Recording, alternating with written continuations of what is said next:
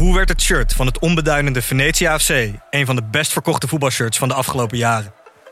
Wat is er zo geniaal aan de MLS-deal van David Beckham? En waarom vinden we het normaal dat jeugdspelers gezien worden als investeringsobjecten?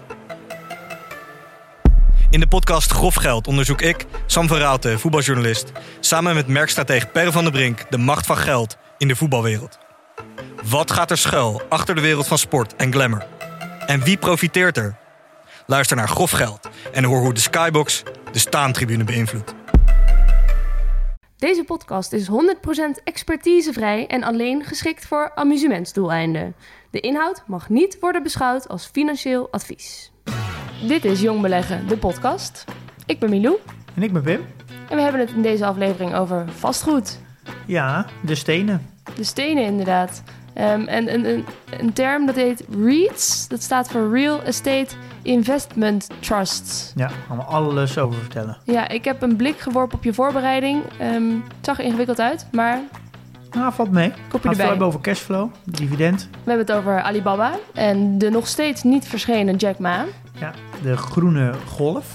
En ik heb weer transacties gedaan. En ik heb een grote ontdekking gedaan over ETF's in de kernselectie. Want het is altijd heel ingewikkeld. Ja, hoe weet je nou of een ETF in de kernselectie zit? Nou, ik heb echt de gouden tip. Oh, interessant. Ben Mhm, benieuwd. Intrigerend, Nou, laten we snel beginnen. Ja.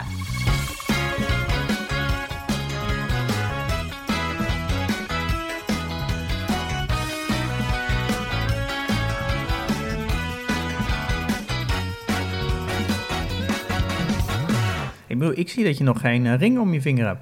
Nee, dat, dat klopt. En maar hou je van, eh, van goud of zilver? ja, jij hebt het denk ik over de gouden radioring eh, die te winnen valt binnenkort. Ja, we maken kans op de gouden podcastring, hè? Ja, de Gouden eerst. Podcastring. Ja, de titel van die verkiezing is de Gouden Radioring, maar je kan dus ook op een podcast stemmen.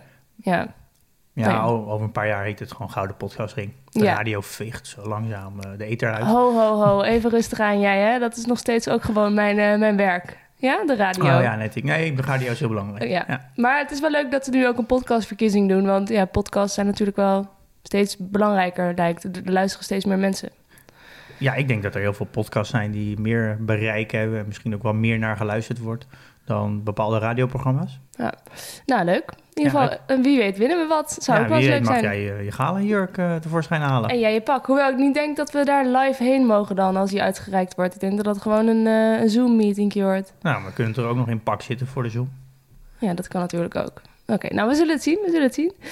Het, het gaat trouwens bij mij best wel goed op de, op de beurs. Ik, ik dacht van, nou die kapitoolbestorming... Ik weet niet wat dat uiteindelijk met eh, ja, mijn S&P 500 gaat doen. En de verwachtingen van hoe die, eh, hoe die bedrijven gaan presteren. Maar het gaat alleen maar beter. Ja, het is een... eh, ik denk dat heel veel mensen hier wel eens van staan te kijken. Het gaat eigenlijk alleen maar omhoog. Klein beetje vlak in december, een beetje schommelend omhoog. Maar nu is het weer, eh, weer omhoog. En volgens mij staat bijna elke, elke beurs op all-time high. In ieder geval in Amerika wel. ja. En ja, ik kan me best wel voorstellen dat heel veel mensen zich afvragen van... hoe kan dat? hoe kan dat wel? Want als je naar buiten kijkt, eh, eh, dan zie je alles in, eh, in lockdown. Je Ja. hoort overal dat het virus zich verspreidt. En natuurlijk, het vaccin komt er wel aan, maar en dat zit nog een vertragende factor in.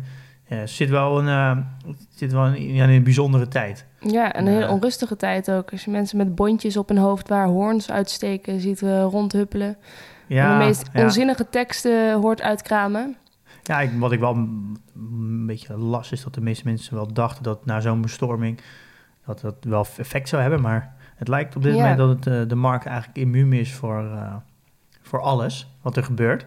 Ja, het zijn denk ik bijzondere tijden Ja, eh, waar we nu in begeven. En ik vind, ik, je kan het heel moeilijk in perspectief zetten. En Ja. dit, oh, deze situatie nu ook. Het is allemaal all-time high. Je ziet wel aan alle kanten dat geld naar plekken stroomt waar je denkt, nou, er zit eigenlijk helemaal geen... eh, ja, de fundamentals daaronder kloppen gewoon helemaal niet. zoals? Eh, nou ja, gaan we zo bij het nieuws ook beginnen. Bijvoorbeeld Fastnet. Dat Oh je denkt, waar gaat dit heen? Ja, Eh, maar ook wel heel veel eh, aandelen waar, je, waar er eigenlijk helemaal geen onderliggende waarde echt... Dat het ja, niet vertegenwoordigt met de onderliggende waarde. En Nee. eigenlijk, zover ik het kan zien, ook niet met de groei die eronder ligt. dus zou je dat dan een bubbel kunnen noemen bij Nou ja, bepaalde... Waar ik één ding een hekel aan heb, is dat, dat zie je ook op YouTube en zo. Iedereen praat over de beurscrash en de bubbel. Een soort van, eh, elke keer als het weer een nieuwe all-time high wordt, dan schieten de, de YouTubers en, eh, en de krantenkoppen met bubbels de, de Mhm. grond uit.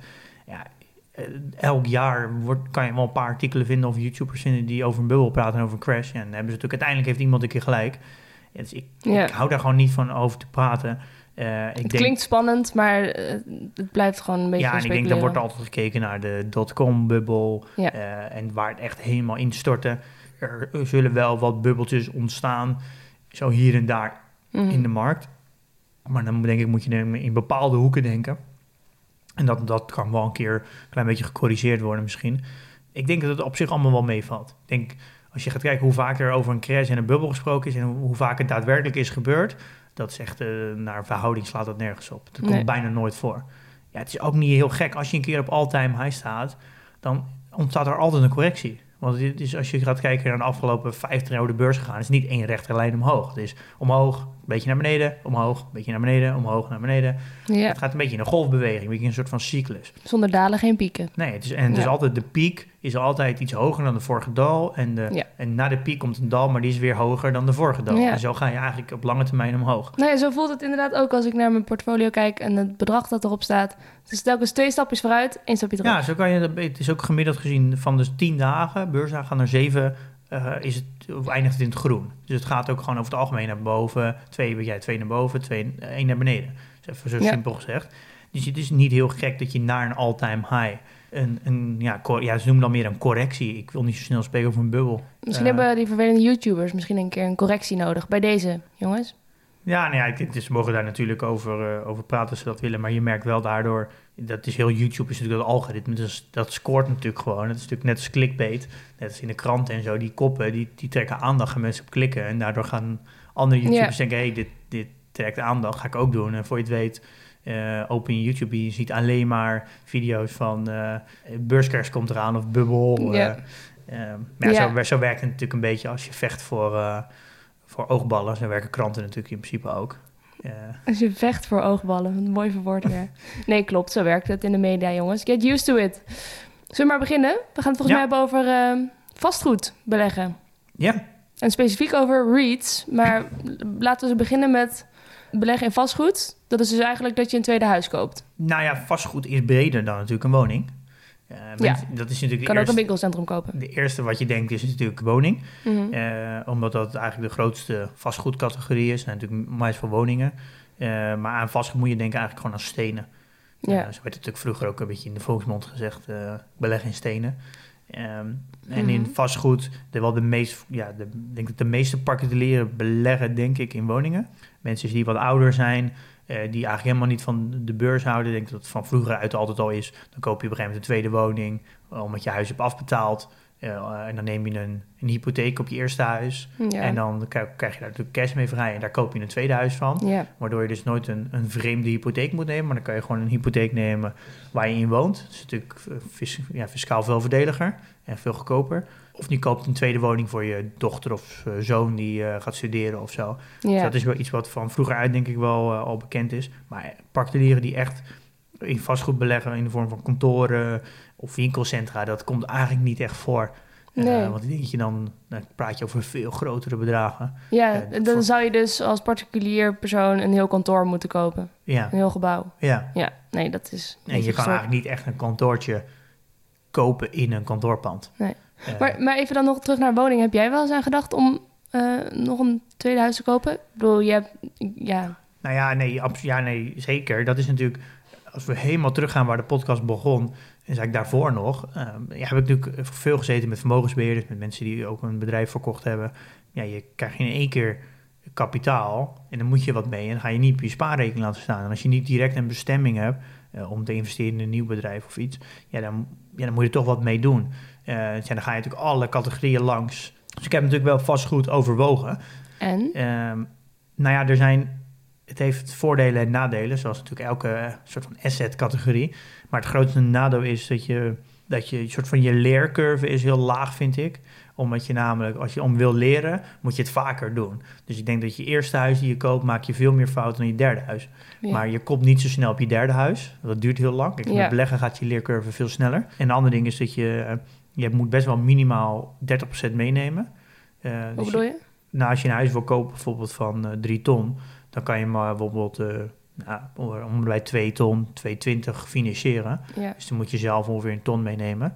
Eh, en je moet echt eh, de, de straat op. Je, moet echt, eh, je kan het niet vanaf je computer doen. Je moet wijken gaan verkennen, je moet huizen bezoeken. En je hebt te maken met huurders natuurlijk. Dus dat, zijn, dat is een kant van, van vastgoed die, Ja. die voor mij minder interessant is. En nou, het voordeel is natuurlijk wel dat je met een hefboom kan beleggen. En dat kan met aandelen veel moeilijker. Een hefboom beleggen? Nou, dat je, als je bijvoorbeeld een huis koopt voor 30%, nou, en dan leen je die andere 70%, en daar betaal je een paar procent rente op. Eh, maar daar, als je dan een rendement van 8% hebt, dan heb je dus een hefboom, omdat je op, die gele, op het geleende geld meer rendement haalt dan je daadwerkelijk aan rente betaalt. Oh ja. Dus dan heb je een hefboom. Dus dan ben je eigenlijk aan beleggen met geleend geld. Ja. maar dat is in vastgoed heel normaal, omdat je namelijk een huis als onderpand hebt. En Ja. die fluctueert niet zoveel in waarde. Eh, ja, dus je bent niet echt met geleend geld aan het beleggen. Want ja, je je, hebt... bent wel met geleend aan het beleggen. Ja, Alleen maar je hebt... eh, je hebt een onderpand Ja. dat veel meer waarde vast is. En dat kan op een gegeven moment wel echt 30% zakken. Alleen dat heeft, is geen probleem zolang je het niet verkoopt. Ja. En bij aandelen kun je elke dag kijken. En als het dan 10% naar beneden of 10% naar, boven. Dan kan, je- ja, dan kan je daarop handelen. ja. Dat is natuurlijk aan de ene kant een voordeel, dat het heel liquide is. Dus als je geld wil, kan je het gewoon instant eruit halen. Dat kan Ja. bij, ah, bij vastgoed natuurlijk niet. Dus Eh, beleggen in aandelen is flexibeler. veel flexibeler. Ja. En je kan veel met kleinere bedragen. Je kan al starten met Ja. eh, 50 euro. Dat kan natuurlijk niet met vastgoed. Ja. Als je toch in vastgoed wil beleggen, want ik denk wel vastgoed. Sommige mensen geloven daar echt in, die houden daarvan. Want dus je, kan, je kan het vasthouden. Je, het, is, het is anders dan een bedrijf. Ja. En het is misschien ook een simpeler bedrijf, in principe een vastgoedbedrijf. Er zijn natuurlijk ook heel veel mogelijkheden om te beleggen in vastgoed. En vooral in Amerika is dat een. eh, eh, daar moet iedereen voor zijn eigen pensioen zorgen, voor zijn oude, ou- oude dag. Mhm. Daar is het eigenlijk vrij normaal of heel standaard om in vastgoed te beleggen. En vooral voor de mensen die voor hun pensioen zitten en voor hun inkomen. Ja. Eh, omdat beleggen in vastgoed zorgt voor huurinkomsten. In welke vorm dan ook. Het heeft natuurlijk huurinkomsten. Dus de prijs van een pand dat kan heen en weer gaan over tijd. Maar de huur die blijft vaak gelijk. En die wordt soms zelfs elk jaar geïndexeerd met de inflatie. Ja. Een bedrijf kan dus qua waarde verschillen. Maar omdat de cashflow elk jaar gelijk blijft... of zelfs elk jaar verhoogd kan worden met Want de inflatie... Zijn, dat zijn de inkomsten uit huur, de cashflow. Ja, Ja. dan heb je dus een, is het dus een hele veilige belegging. Omdat je als, als aandeelhouder dus altijd structureel inkomen uitgekeerd krijgt. Wat de waarde van het huis of het, of het pand ook doet. Ja. Eh, en dat is natuurlijk een heel fijne vorm van beleggen. Ja. Als je je inkomen nodig hebt. Bijvoorbeeld voor pensioen. Is het, wil je natuurlijk inkomen hebben. Dan is vastgoed natuurlijk een heel fijne vorm. Ja.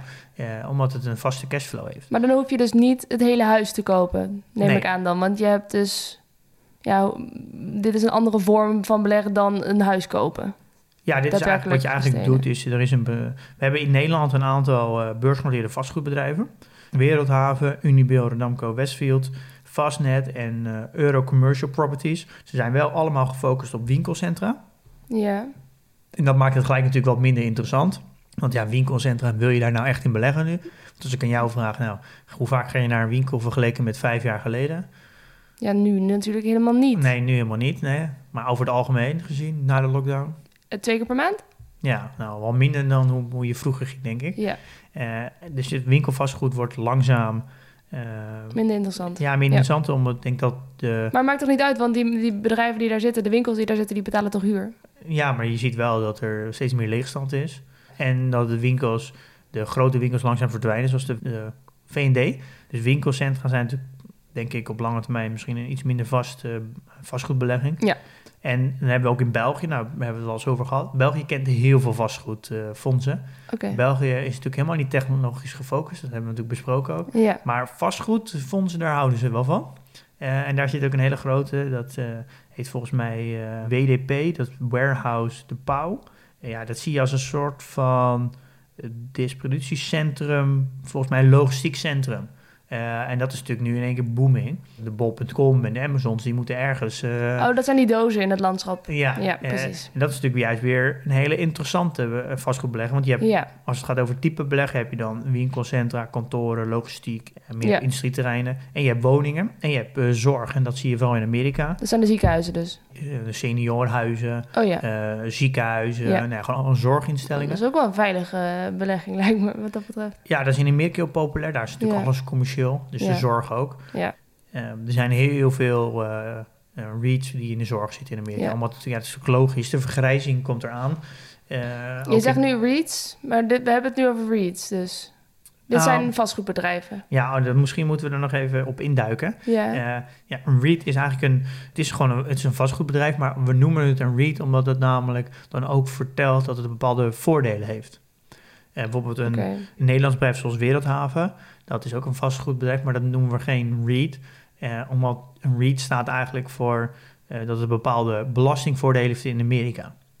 Oké, dus Eh, moet het een Amerikaans eh ja, moet een? Amerikaanse Oké, eh, in een Amerika hebben ze namelijk een ja, bepaalde regeling, een belastingvoordeel, dat als je voor 75% van je vermogen in het fonds zit in, in vastgoed en je, je, je keert 90% van je cashflow, je winsten, uit als dividend, dan heb je een bepaalde status en dan hoef je dus over je behaalde winst geen vennootschapbelasting te betalen. als bedrijf, als, Als bedrijf. vastgoedbedrijf. Ja, eh, en dit is een bepaalde regeling die gemaakt is door president Eisenhower in 1960.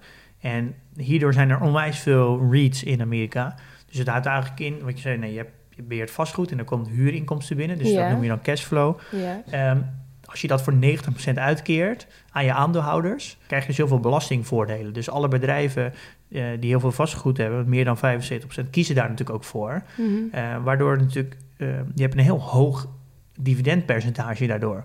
Waardoor het natuurlijk een heel interessante belegging is voor particulieren. ja, maar waarom heeft het ook een hoog dividendpercentage? Nou, eh, als een bedrijf winst uitkeert, dan noemen we dat dividend. Ja, kijk, bijvoorbeeld een, Ja. Een Coca-Cola of een Shell, die keert zo'n 3, 4 procent dividend uit. ja, En die keren ongeveer 50% van de winst uit. Ja. Dat noem je dan een payout ratio. De rest investeren ze ja. in het bedrijf. Maar die REITs doen 90 Die 90, dus dan kan je nu al, dan kan je al raden dat het de dividendpercentage veel hoger is. En het Oh. is voor Nederlanders eigenlijk nog gunstiger, omdat namelijk in Amerika, daar betaal je over je ontvangen dividend inkomstenbelasting. Ja, Nou, zeg dat je eh 100 euro dividend ontvangt dan, en je hebt een inkomstenbelasting van 30%, dan betaal je daar 30% belasting over, over je dividend. ja. Nou, wij hebben dat in Nederland niet. Wij betalen geen inkomstenbelasting over dividend. Mhm. Wij betalen over je ontvangen dividend, dividendbelasting, Ja, 15%. Nou, in Amerika hebben wij, hebben, is het 30%, maar Ja. wij hebben een regeling met Amerika dat wij 15% hebben. En hebben wij ook nog eens het voordeel dat wij 15% betalen over dividendbelasting, maar dan kunnen we weer verrekenen met ons eh, vermogensheffing. Eh, dus voor Nederlanders is het extreem gunstig om te beleggen in REITs. aha. En ik denk ook wel dat, wat ik ook langzaam een beetje lees, dat komt nu ook wel een beetje op. Ik denk dat REITs vooral voor heel veel mensen die, ja, wij zijn onze luisteraars en, eh, ik ben, en wij zelf zijn nog vrij jong. Dus wij hebben iets minder behoefte aan een heel stabiel inkomen, of in ieder geval dividendinkomen. Eh, maar ik denk dat als wij allemaal wat ouder worden en langzaam wat defensiever willen gaan en wat meer, wat ook wat inkomen eruit willen hebben uit ons vermogen, dan is het de, ja, dat je langzaam naar REITs verschuift helemaal niet gek. Je ziet ook eigenlijk in alle dividendportefeuilles zit gewoon een heel groot gedeelte REITs. Ja, oké. En wat is dan het, rendement wat eruit komt? Nou, je hebt heel veel, we komen daar straks nog op over een lijstje met wat voor eh REITs je allemaal hebt. Mhm. Maar er zijn REITs die zijn iets meer opgezet als een bedrijf. En ja, die zorgen dat ze ook, ook nog koerswinst hebben. En dus je hebt een combinatie tussen dividend en koerswinst. Eh, maar je hebt ook veel meer REITs, die zijn wel veel minder bekend. Want dat zijn minder soort bedrijven, maar dat zijn eigenlijk gewoon partijen die... Er zit bijna geen, geen management in ook. Die zijn, het is allemaal heel sumier, die hebben gewoon heel veel vastgoed. Het is gewoon een fonds opgericht waar heel veel geld is opgehaald. Heel klein managementteam, die kopen vastgoed eh, en die beheren dat. Eh, en dat wordt de huurinkomsten van uitgehaald. En dat wordt dan weer gelijk weer, alle huurinkomsten worden eigenlijk gewoon verdeeld over, over alle, alle aandeelhouders. En het management is zo sumier, dus die houden eigenlijk, er blijft heel weinig over aan de, de strijkstok. Waardoor eigenlijk bijna alle winsten uit de huur gewoon direct door worden gestuurd naar aandeelhouders. En dat zijn eigenlijk natuurlijk geen, helemaal geen bekende bedrijven, die maken geen reclame, die positioneren zich niet. Dat zijn natuurlijk hele Het zijn een Ja. beetje tussenstations. ja, maar dat zorgt ervoor dat je dus als particulier dus kan beleggen in je vastgoed. Ja. Ehm, maar er zijn heel veel REITs die echt prima tussen de 8, soms zelfs 12% uitkeren per jaar aan Wow, dividend. oké. Ehm, en dat zijn wel hele specifieke REITs en dat zijn wel de REITs die eigenlijk bijna niemand kent. Maar Amerika kent echt, echt onwijs veel REITs. En ik eh, ben ook een boek aan het lezen nu. En die, dat heet eh, Beter beleggen dan een bank. Eh, ik ben er net mee begonnen, dus ik kan er nog niet eh, ik ga misschien binnenkort wat verder over vertellen, maar daar gaat eigenlijk dat over. Dat je, Mhm.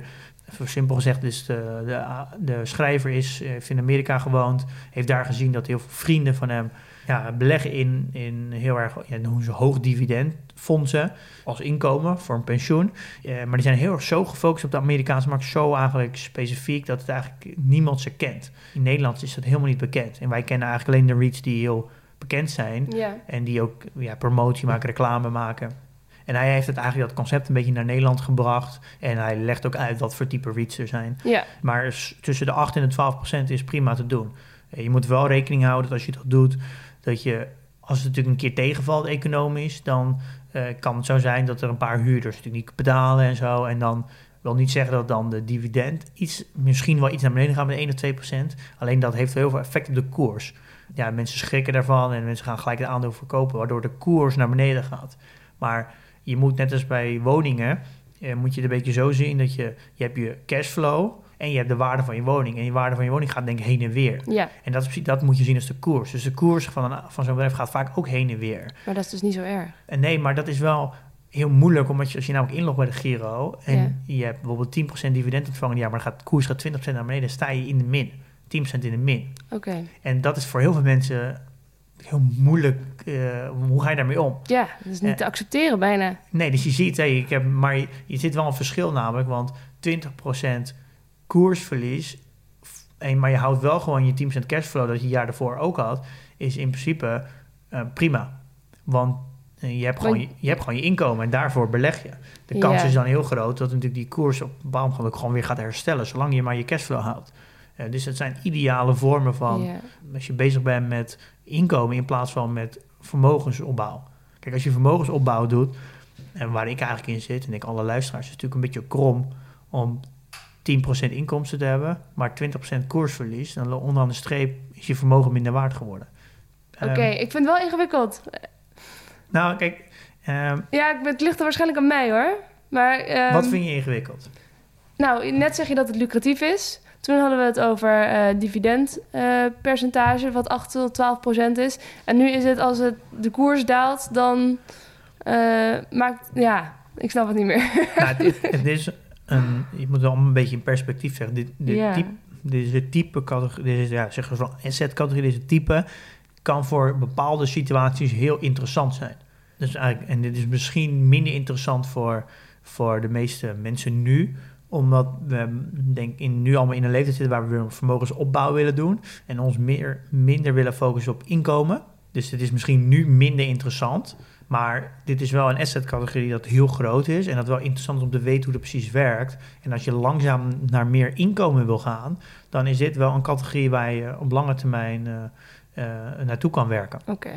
JP Morgan doet al jaarlijks zo'n asset management onderzoek. Een hele bekende, dat kan je, het rapport moet je maar, is, is wel leuk om, die is vrij recent uitgekomen van 2020. Ja. Zij maken een overzicht van allerlei trends die er gaande zijn. eh, en eh, categoriseren ook assets. Hoe, is- wat is de performance van de afgelopen, afgelopen jaar en afgelopen tijd. En daar hebben ze ook altijd een grafiek en, met de 20-jaarlijkse return van per categorie. Dus per asset categorie. En daar staat REITs structureel op één. Oké. Eh, welk jaar je ook pakt, of je nou van eh, 20, 19, 18, 17 pakt, staat REITs altijd op één. En die staat altijd met een gemiddeld rendement in 20 jaar tijd geanalyseerd tussen de 9 en de 10. Dus vaak eh, een beetje hoog, laag in de 9. Ja. En als je dat vergelijkt met de S&P, ja, dan komt de S&P daar natuurlijk niet aan. Nee. Eh, dus dat die kan zitten op de, op de 6 of zo. Eh, ja, bijna, ja, iets, ja, bijna 6, ja. Ja. ja. In de afgelopen 20 jaar. Ja. Eh, dus dat is wel een... eh, ja, dat, dat valt wel op dat REIT het toch over het algemeen, dus vastgoed, wel echt heel erg goed doet. En in Amerika is dat daardoor ook een hele, ja, wat ik net al aangaf, voor heel veel mensen die pensioen beleggen, of in ieder geval beleggen voor inkomen, een hele belangrijke categorie. Precies, dus ik heb dan met een ETF, met de S&P 500, heb ik bijna 6% rendement, maar daarmee bouw ik vermogen op. Met een REIT kun je 8% rendement hebben, maar dat krijg je... Ja, dus het is gewoon dividend. En ja, dat, divi- precies. we hebben natuurlijk dividend al eerder besproken. Of je nou een Coca-Cola aandeel hebt of een Shell aandeel, daar krijg je ook dividend van. Ja, Alleen omdat een Shell of een Coca-Cola, dat is een bedrijf. En een bedrijf die keert natuurlijk een beetje gezond eh, niet meer dan 70% uit. Precies. 75% van die liefst misschien nog wat lager. Want dan hou je nog eh, geld over. Om je bedrijf te runnen. Ja, en Ja. Om, je, om je investeringen te doen en om je concurrentiepositie te houden. Ja, Waardoor je dus eigenlijk altijd de combinatie hebt tussen koersgroei en dividend. Dat is natuurlijk ook prima. Maar een, een, een vastgoedbedrijf zoals een REIT... Ja, stel je voor, ik heb een, een, een vastgoedbedrijf... en ik heb een, een heel groot appartementencomplex met 120 woningen. Als particulier kan je dat nooit kopen. Maar als ik Mhm. zeg tegen... Nou, laten we nu met eh 240 man daarin investeren. Dan hebben we allemaal een soort van half appartement. Met misschien met nog een extra één iemand in dienst, een eh, conciërge of een klusjesman. Zou ik prima dat complete appartementencomplex kunnen runnen.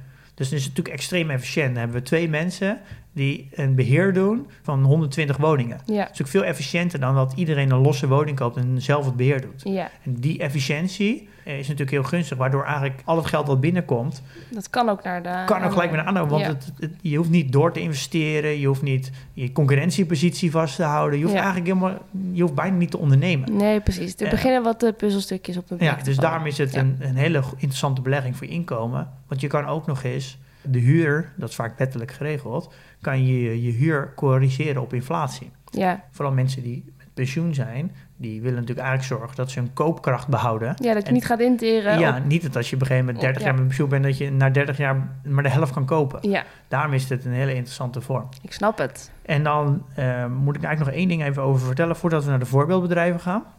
Als het gaat om een REITs en vooral vastgoedbedrijven, dan moet je ze eigenlijk anders waarderen. We kennen natuurlijk heel erg de, de PE-ratio, dus de koers-winstverhouding. Dat is de koers vergeleken met de winst. En dan heb je een, een ratio, een verhouding. En dan kan je dat afzetten tegen je concurrenten. En dan heb je ook een soort van gemiddelde. Dus een gemiddelde is dan bijvoorbeeld 15 in, bij de S&P de afgelopen tijd. Dat is nu wel een stuk omhoog, maar je kan dus ook zeggen... we vergelijken bijvoorbeeld een Pepsi met een Coca-Cola... en dan kunnen we zien wie op dat moment goedkoper is qua... Ja. eh, niet helemaal, niet een gelijke fundamentele analyse... maar het is een starting, startpunt om te kijken hoeveel keer de winst betaal je. Ja, Maar dat werkt natuurlijk helemaal niet met, eh, met vastgoedbedrijven. Want eh, de winsten die verschillen heel erg. Want als je zeg een miljard aan panden beheert. En de panden die moet je elk jaar waarderen op je balans. En het is bijvoorbeeld nu corona. En dan ga je de panden afwaarderen. Dan neem je de waardering mee. Maar dan, ga je, maak je in één keer heel veel verlies. Dus dan kom je onderaan de streep heb je gewoon verlies. Maar je, het gaat uiteindelijk om de cashflow. Die, de waarde van die panden kunnen door de jaren heen wel fluctueren. Maar dat maakt helemaal niet uit. Zolang de cashflow maar op peil blijft, Ja. dan gaat het prima. ja, Dus ze hebben daar een andere methode voor. Dat heet de FFO. Dat staat eigenlijk voor Funds from Operations. En dat houdt eigenlijk in, even heel plat gezegd, is gewoon de cashflow. Dus wat is de cashflow versus de, de koers? ja. Eh, en dan heb je ook nog de Adjusted Funds from Operations. Dat is dan AFFO. En dat is dan een aangepaste vorm. Die is iets uitgebreider. Mhm. Dat is een eh, meer boekhoudkundig. Eh, maar je ziet meestal de FFO. Eh, en dat zet je dan eigenlijk af tegen de, tegen de prijs. En heb je dan price to FFO. Ik heb ook een voorbeeld op de website gezet. Eh, als je naar Seeking Alpha gaat, dan zie je ook als je naar vastgoedfonds gaat, zie je ook in plaats van PA ratio, zie je FFO. En ook price per FFO. ja, En wat je nou moet weten is dat de gemiddelde in Amerika eh, in de afgelopen tijd ligt tussen de 16 en de 18 oké. qua ratio. Net als dat ik vertelde dat de PE-ratio van S&P, de gemiddelde S&P-bedrijf in de afgelopen tijd 15 was. Ja, Ligt dat bij vastgoed tussen de 16 en de 18. ja, Dit moet je wel een beetje weten, want als je vast REIT gaat vergelijken, kan je dat een beetje als richt, eerste instantie als richtlijn pakken van is een bedrijf een beetje, is dat duur of, of goedkoop? precies. Dus daar, daar moet je wel even op letten. En op de website heb ik ook een linkje gezet naartoe. En een ge- omgecirkeld waar, waar dat dan staat op Viking Alpha. Ehm, En even dus voor mijn begrip hoor, maar hoe hoger dan die ratio is, hoe duurder. hoe duurder. Want er is eigenlijk, het is net als met koers-winstverhouding. Ja, Als, hoe hoger het getal is, hoe duurder... eh, het verhoudingsgewijs is. ja, dus hoe, Ja. eh, ja, hoe vaker je de winst betaalt. En je Ja. wil het liefst natuurlijk zo min mogelijk de winst betalen. Ja, Dus, eh, en dan misschien nog wel eens eh, wat leuk om nog even te noemen... de, beetje de bekende Amerikaanse eh, REITs. ja. Ik heb er zelf natuurlijk een paar. Ik heb Digital Reality Trust, is een datacenter. Oh ja, Ik heb vooral REITs die zijn, dat zijn meer bedrijvenachtig dan echt de, de REITs die ik net omschreef, dat, die zijn puur gericht op inkomen. Die zijn ook heel moeilijk te vinden voor Nederlands, moet je denk ik echt wel goed gaan speuren. Die bedrijven die jij dus hebt, die zijn wat bekender. Ja, dat zijn eigenlijk de bekende REITs en dat Ja. zijn dan meer bedrijven en daardoor ken je ze natuurlijk ook. Ja. Eh, en het nadeel vind ik er erg in, vooral in Nederland, is vastgoedval winkelcentra. Ja, winkelcentrum vind ik... eh nou, terug- ja, dus dan ga je, ga je toch al sneller in, in meer logistiek zitten. Ja. Misschien meer woningen. Nou, woningen in Nederland heb je niet. Dan doen alle woningcorporaties. In Duitsland zitten wel een aantal eh, vastgoedbedrijven die in woningen zitten. België is heel bekend met vastgoed. Dus als je Ja. vastgoedbedrijf moet je eens in België kijken. Er zitten heel veel. Daar heb je ook logistiek zitten. Maar ik heb dan een aantal in Amerika even op een rijtje gezet. Ook op de website waar... Waarvan ik denk, nou, daar kan je meest beginnen om eens te kijken eh, of dat bij je past. De meeste zitten een beetje tussen de 3 en de 6% dividend. Eh, en dan moet je denken aan Realty, eh, Digital Realty Trust en Datacenter. Eh Simon Property Group is vastgoed en winkelcentra. En Federal Re- Realty Investment Trust. En dat is een winkelcentra, maar dat keert bijvoorbeeld al 28 jaar op rij dividend uit. Dat dividend ook verhoogt. Oké. Nou, dat is best veel, 28 jaar. Dan heb je dus, dus gewoon twee crisissen meegemaakt en nog steeds je dividend verhoogd. Ehm, en daar gaan we het ook volgende week over hebben, over dividend aristocrats en kings. En dat gaat Oh. over hoeveel jaren op rij heb je je dividend verhoogd. Dus als je door bepaalde crisis en je dividend verhoogt, betekent wel dat je je, eh, bedrijf al goed runt. Dus Dan ben je dan wel een aristocraat, dan wel een koning. ja, eh, dus, en bijvoorbeeld eh, Realty Income Corp, denk ik misschien de meest bekende. Die heb ik zelf ook. En L2C Properties, de seniorenwoningen en dan wel towers, ook, zit ook in de zorg. En dan heb je bijvoorbeeld Store Capital, commerciële panden. Daar heb ik een aantal opgezet die waar je even naar kan kijken als, je, als je REIT wil doen. Ja. Ehm, eh, en je hebt natuurlijk ook vastgoed ETF's. Oh, kijk aan. En er zijn er ook heel veel van. Ja. En denk, nou ja, bijvoorbeeld Van Eck, de Nederlandse Van Eck Ja. ETF-uitgever, die heeft de Global Real Estate ETF uit de kernselectie. Ja. Spreiding over de hele wereld, Azië, Amerika, Europa.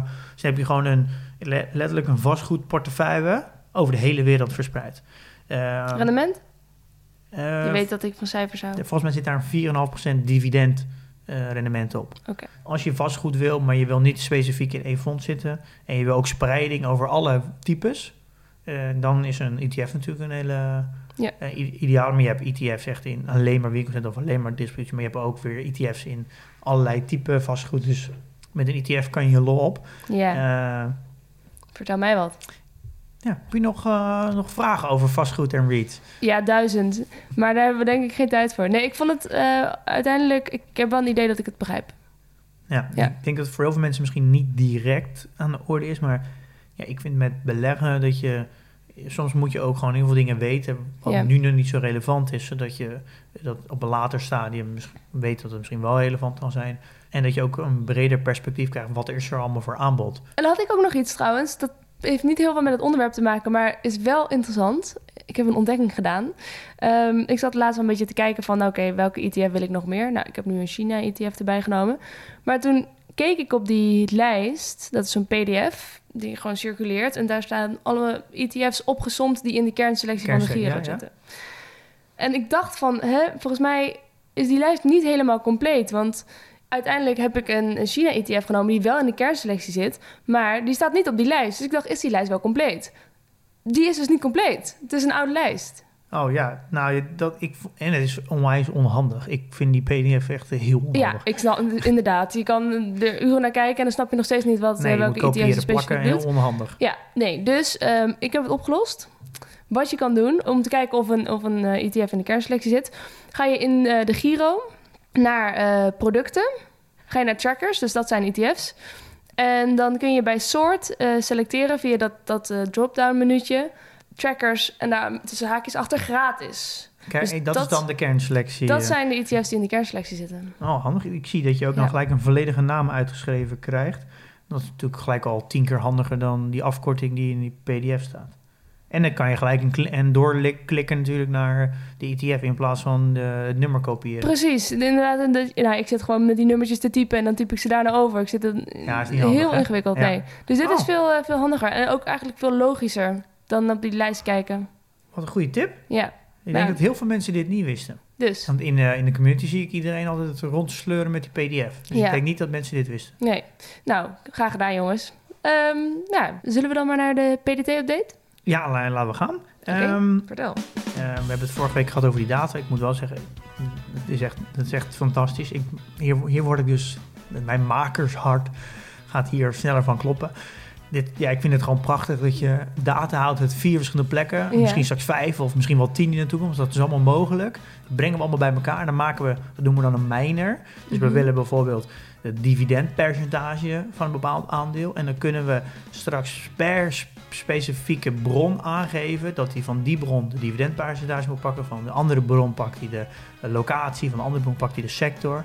En we kunnen zelfs in de toekomst dat we zelfs de gebruiker, de community, eh, die een laat dan de aandelen in. En als een aandeelprijs of een sector of een noem een metric, Ja. eh, dan als die niet klopt, dan kan de gebruiker erop klikken. Dat is de plan dan in de toekomst. Van eh, dit klopt niet. ja. En dan krijgt hij dus een suggestie van alle andere databronnen van welk klopt er dan toevallig eentje wel. Ja. En dan kan hij hem dus zelf corrigeren. En dan slaan wij dat op als standaard dat we in de toekomst dat dus aan iedereen serveren. En zo kunnen wij dus gebruik maken van de inzichten van alle vrienden. Om Ja. onze dataset compleet te krijgen. En dan plukken we dus per bedrijf van elke dataset een ander iets. Ja, dat, die mapping, ja, dat is echt fantastisch. Ik, Ja, ik- word, ik word daar gewoon heel blij van. Dit is gewoon de, Oh. de, ja, dit is gewoon de key van... eh, Een mega goed product maken. ja, gewoon letterlijk het, de, de palen die we in de grond slaan om het product op te bouwen. Ja. ja, als je datakwaliteit niet goed is, dan heb je gewoon helemaal niks aan het product. Nee. Wat goed. Ja, heel goed. Hier word ik heel blij mee. Ja. En ik wil misschien nog iets anders erbij zeggen. Mhm. En dat is dat we nu iets gedesigned hebben. Dat, normaal laat ik eigenlijk alleen, vertel ik alleen wat we gebouwd hebben. Maar we hebben nu ook de handmatige invoer gedesigned. We hebben natuurlijk eerst alleen maar een import gemaakt voor de Giro. En eh, we willen ook graag andere brokers ondersteunen. Ja. Ja, we kunnen wel heel specifiek voor elke broker een importer maken, maar dan duurt het heel lang voordat we alle brokers ondersteunen. Dus we hebben nu gezegd, nou we gaan eerst een handmatig import maken. Kan iedereen in ieder geval de tool gebruiken. Dan gaan we dan later weer de imports maken voor, voor specifieke brokers. Dus dat hebben we nu gedesigned. Ik wil eigenlijk voor alle vrienden zeggen, eh, kijk even in de community. Geef daar even feedback op. Wat we hebben is dat volledig. Ja. Eh, zodat, we, zodat we dat kunnen gaan bouwen. Eh, over vrienden van de show gesproken. We hebben er weer een hoop nieuwe bij gekregen. Zoveel zelfs dat ik ze niet kan opnoemen. Allemaal, helaas. Ik vond het een leuke bezigheid, maar het worden er te veel. 142, 146? Hoeveel zijn ja, we erbij? 142. Maar ja... Maar dat betekent niet dat we minder dankbaar zijn. Nee, dat is natuurlijk wel. Het, het is ook een stukje bedankje natuurlijk om ze op Ja. te noemen. Maar doordat er zoveel zijn, besparen we iedereen om een hele lange lijst namen op te noemen. Ja, Eh, maar we zijn natuurlijk nog steeds net zo dankbaar en, eh, ja, en blij met alle nieuwe vrienden als wat we hiervoor waren. ja. Dus Ja. iedereen die er afgelopen week weer is bijgekomen, heel veel dank. Worden Pim en ik heel blij van. Ja, eh, elke keer weer. eh, ik vind het elke keer weer bijzonder. Ja. Echt, en dankjewel eh voor je steun. Dan gaan we naar het nieuws. Ik las een berichtje over Fastnet. Ja, ehm, ik denk, ik hoef niet per se in te duiken in het, eh, in het aandeel Fastnet zelf. Maar ik denk dat Fastnet in Nederland een beetje een symbool begint te staan nu voor een soort van groene gekte of zo. En dan moet je denken natuurlijk aan elektrificatie of zo, of duurzame energie, of alles Mhm. wat alternatieve energie is. Nou, dat, nou, even in die hoek, je weet wel een beetje wat ik Ja, bedoel. ja. Ehm, Even voor de record, dus Fastnet is een eh, bedrijf met elektrische laadpalen voor elektrische auto's. Toch? ja, de gele koepels die je misschien wel ziet naast de de- tankstations. Ja, precies. Ehm, daar is gewoon een soort van alle realiteit en fundamentals zijn gewoon losgelaten. Dat is gewoon, Als in, het is een hype aan het worden. Iedereen Ja. wil daarin zitten. je betaalt nu voor Fastnet 180 keer de omzet.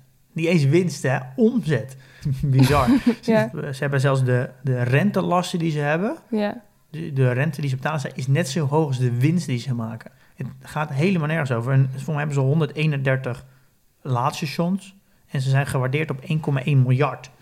Wow. Ja, het gaat, gaat, gaat er helemaal nergens over. Het blijft natuurlijk lastig zeggen wat je, wat je ervan moet vinden. Omdat je denkt, ja, er zit, zit er misschien toch wel groeipotentie in. Maar je moet toch wel, denk ik, wel heel veel jaartjes wachten nu... voordat die groeipotentie waard wordt. Ja, geeft ook een beetje aan dat er blijkbaar weinig andere groene, duurzame, eh, ja, goede alternatieven Nou ja, zijn dat- om je geld in te zetten als je duurzaam wil beleggen. Nou, dat is denk ik een beetje het punt. Er is gewoon een hele grote groep mensen de markt op gegaan. Een beetje de millennials en ja, die na de millennials zijn geboren. Ja, Eh, dat die groep nu gaat beleggen.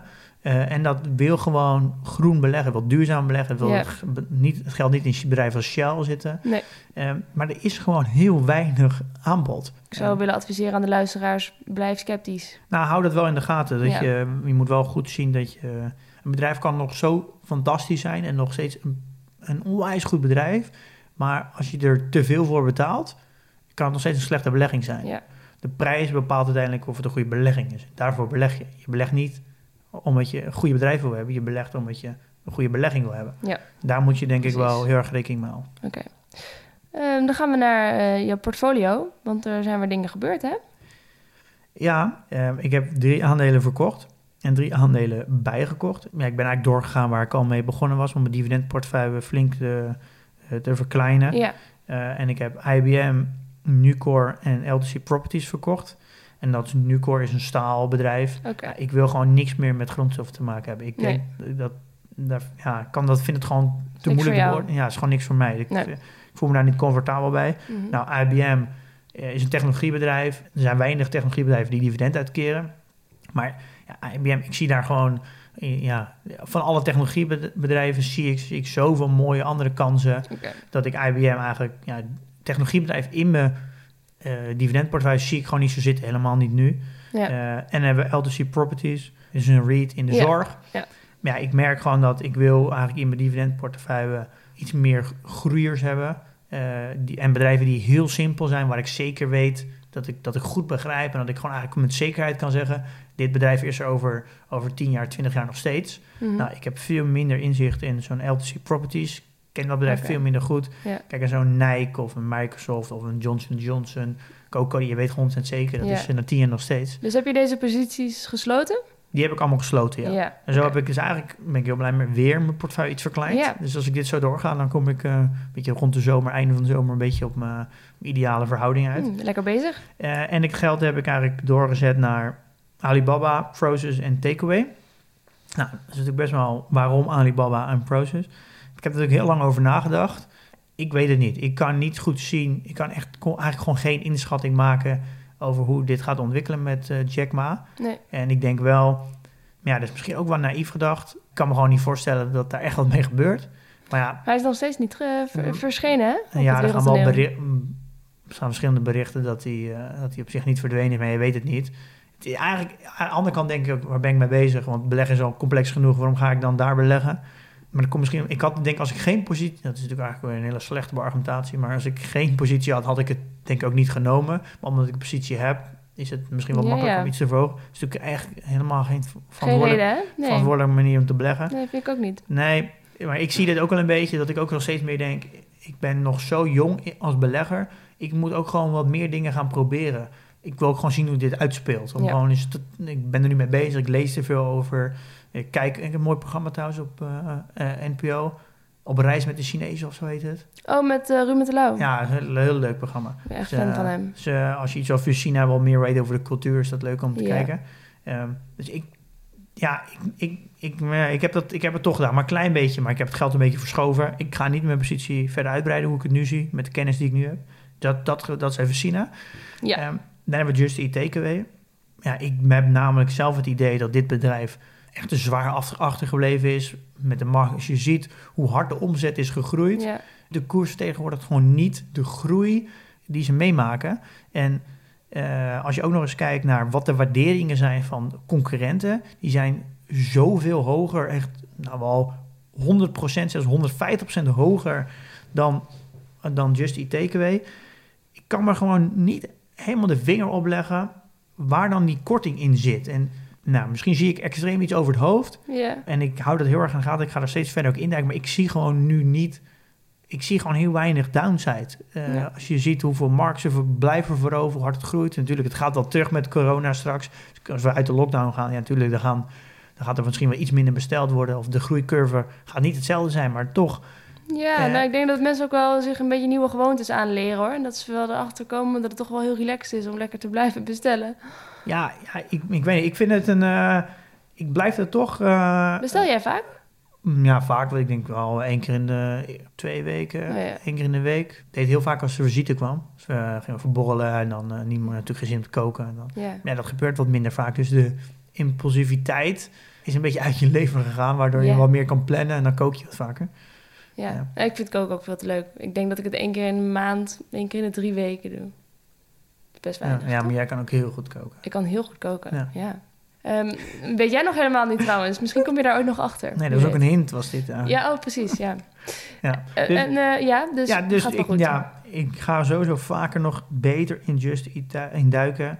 Ja, wat, wat, dat is wel een beetje wat beleggen is. Dat je wil natuurlijk, als de hele markt zegt dat het, dat het blijkbaar een, een- die waarde moet hebben. En jij denkt als belegger dat, dat, dat ze daar allemaal naast zitten. Ja, dat zijn natuurlijk de momenten dat je, dat je, het, verschil dat je het maakt. verschil maakt. En je gaat aan jezelf twijfelen. Ja, Eh, maar ik, elke keer als ik er weer induik en ik ga er, blijf er induiken en ik ga er vond ik ook even een goede, helemaal straks de cijfers komen, even goed op een rij zetten nog. Maar Ja. ik zie gewoon, ik denk dat, dat je hier weinig fout aan kan doen, denk ik zelf. Maar daar gaan we, gaan we, we gaan we gaan zien. erachter komen. Gaan we achterkomen. Oké, portfoliowaarde? Ja, ehm 185.500. Kijk eens. Ah, All-time highs, yes, daar gaan we. Oké, dan gaan we naar reviews. We hebben een audiobericht gekregen van Jessie. Hi Milou en Pim, ik heb een vraag. Want de afgelopen weken was niet te missen dat de oprichter van Alibaba, onder andere, is verdwenen. En eh, nou heeft dat te maken met de politiek. En eh, ziet China het niet zitten dat hij zo'n grote invloed heeft op, eh, op de markt en eigenlijk ook op het land. Eh, en nou vroeg ik me heel erg af hoe jullie dit zien, eigenlijk in het grotere plaatje. Want blijkbaar schuwt de Chinese overheid niet om in te grijpen. En ik vroeg me af, hoe kijken jullie hier tegenaan? Wat betekent dit voor de toekomst van bijvoorbeeld Alibaba, maar ook eigenlijk breder dan dat? Moeten wij hier rekening mee gaan houden eh, met onze portfolio's? Ja, ik blijf het wel een lastig onderwerp vinden. We natuurlijk net al even gezegd. Ik denk dat als je ja, beleggen is al moeilijk genoeg. Eh, en als je dan ook nog eens een overheid erbij gaat krijgen, dat ja, eigenlijk onvoorspelbaar is, waar we eigenlijk niks van afweten, is het misschien ook eigenlijk te veel risico om, om te beleggen in, in China. Ja, en beleggen gaat toch vooral over risico mijden. En dit zijn vooral risico's die in principe wel kan voorkomen. Ja. De me- ik merk wel in, als ik een beetje zo in Amerika keek, zijn er toch wel heel veel Amerikanen die nu zeggen: Dit is de druppel, eh, China is niet te vertrouwen, ik, eh, ik stap eruit. Dus als je echt mee, toch wel meegaan in de groei van China, want die is er natuurlijk wel, kan je toch beter dan wat jij doet eigenlijk een eh, Ja. China-ETF hebben, want dan heb je veel minder last van die eh, specifieke gevallen. ja, Maar ja, ik denk wel aan de andere kant, eh, als China, vooral de overheid, een bedrijf echt groot wil hebben en het ook he- stimuleert, een bedrijf gaat mee in de visie en het vijfjaarplan van eh de Chinese overheid, ja, ja. dan denk ik wel dat het een goede belegging kan zijn. Want ja, dat is, je merkt toch wel, als, als de overheid het graag wil, Dan gebeurt het. dan gebeurt het toch wel. Dus ja, dan Ja. kan je als belegger toch wel mooi, dus dan kan je mooi mee ingaan. Dus Ja. dan kan je toch misschien beter toch meer in de ETF gaan zitten. Ik denk, ja, ja. Wat dat betreft kan China ook heel stabiel zijn, inderdaad. Is Minder afhankelijk van wie er om de vier jaar zit. Maar hij kan gewoon zeggen, nou, we gaan dit de komende twintig jaar doen. Ja, ik las een heel mooie discussie over, was volgens mij, ik weet niet of het over NIO was. En daar had iemand op, een, eh, een reactie gegeven, ja, maar de Chinese overheid die eh, zit er met de vingers in en die, had, die stelde dat heel erg als negatief. Hmm. En daar kan hem ook, in, in, misschien in Westerland is dat ook heel negatief, want dat is een, bijvoorbeeld bij KLM zit nu de overheid in en die, die eist allemaal dingen die voor aandeelhouders heel negatief zijn. Dus dat heeft in de Westerland heeft, heeft een hele slechte Connotatie, ja. Slechte connotatie. En toen zei iemand anders, ja, maar dat is juist, juist heel goed. Want als je weet dat de Chinese overheid erin zit en ook, dus ook de gaten dichtloopt en de regelgeving voor je aanpakt, is het denk ik juist in China als een pluspunt dat China het bedrijf Ja. stimuleert. En dat gaf me eigenlijk al een, een, ja, een inzicht dat ik denk, ja, dit is dus, je gaat al zo snel je westerse blik op Chinese bedrijven leggen, dat je eigenlijk al een, achterstand hebt Ja. omdat je zo kijkt. En dit is weer, China is gewoon zo'n andere cultuur. Dus je- het is heel moeilijk als westerse belegger, als je weinig weet van de cultuur, om ook echt go- goed het bedrijf te analyseren. Als je er nog niet in zit en je wilt dan zien een beter een ETF, of kijk het lekker aan. Het is toch wel, eh, ja, beleggen is al moeilijk genoeg. Oké, nou dus volgende week, je hebt het al kort gezegd, hebben we het over dividend kings en aristocrats. Ja. Kijk er naar uit. Ehm, in de tussentijd, investeer in je kennis en beleg met beleid.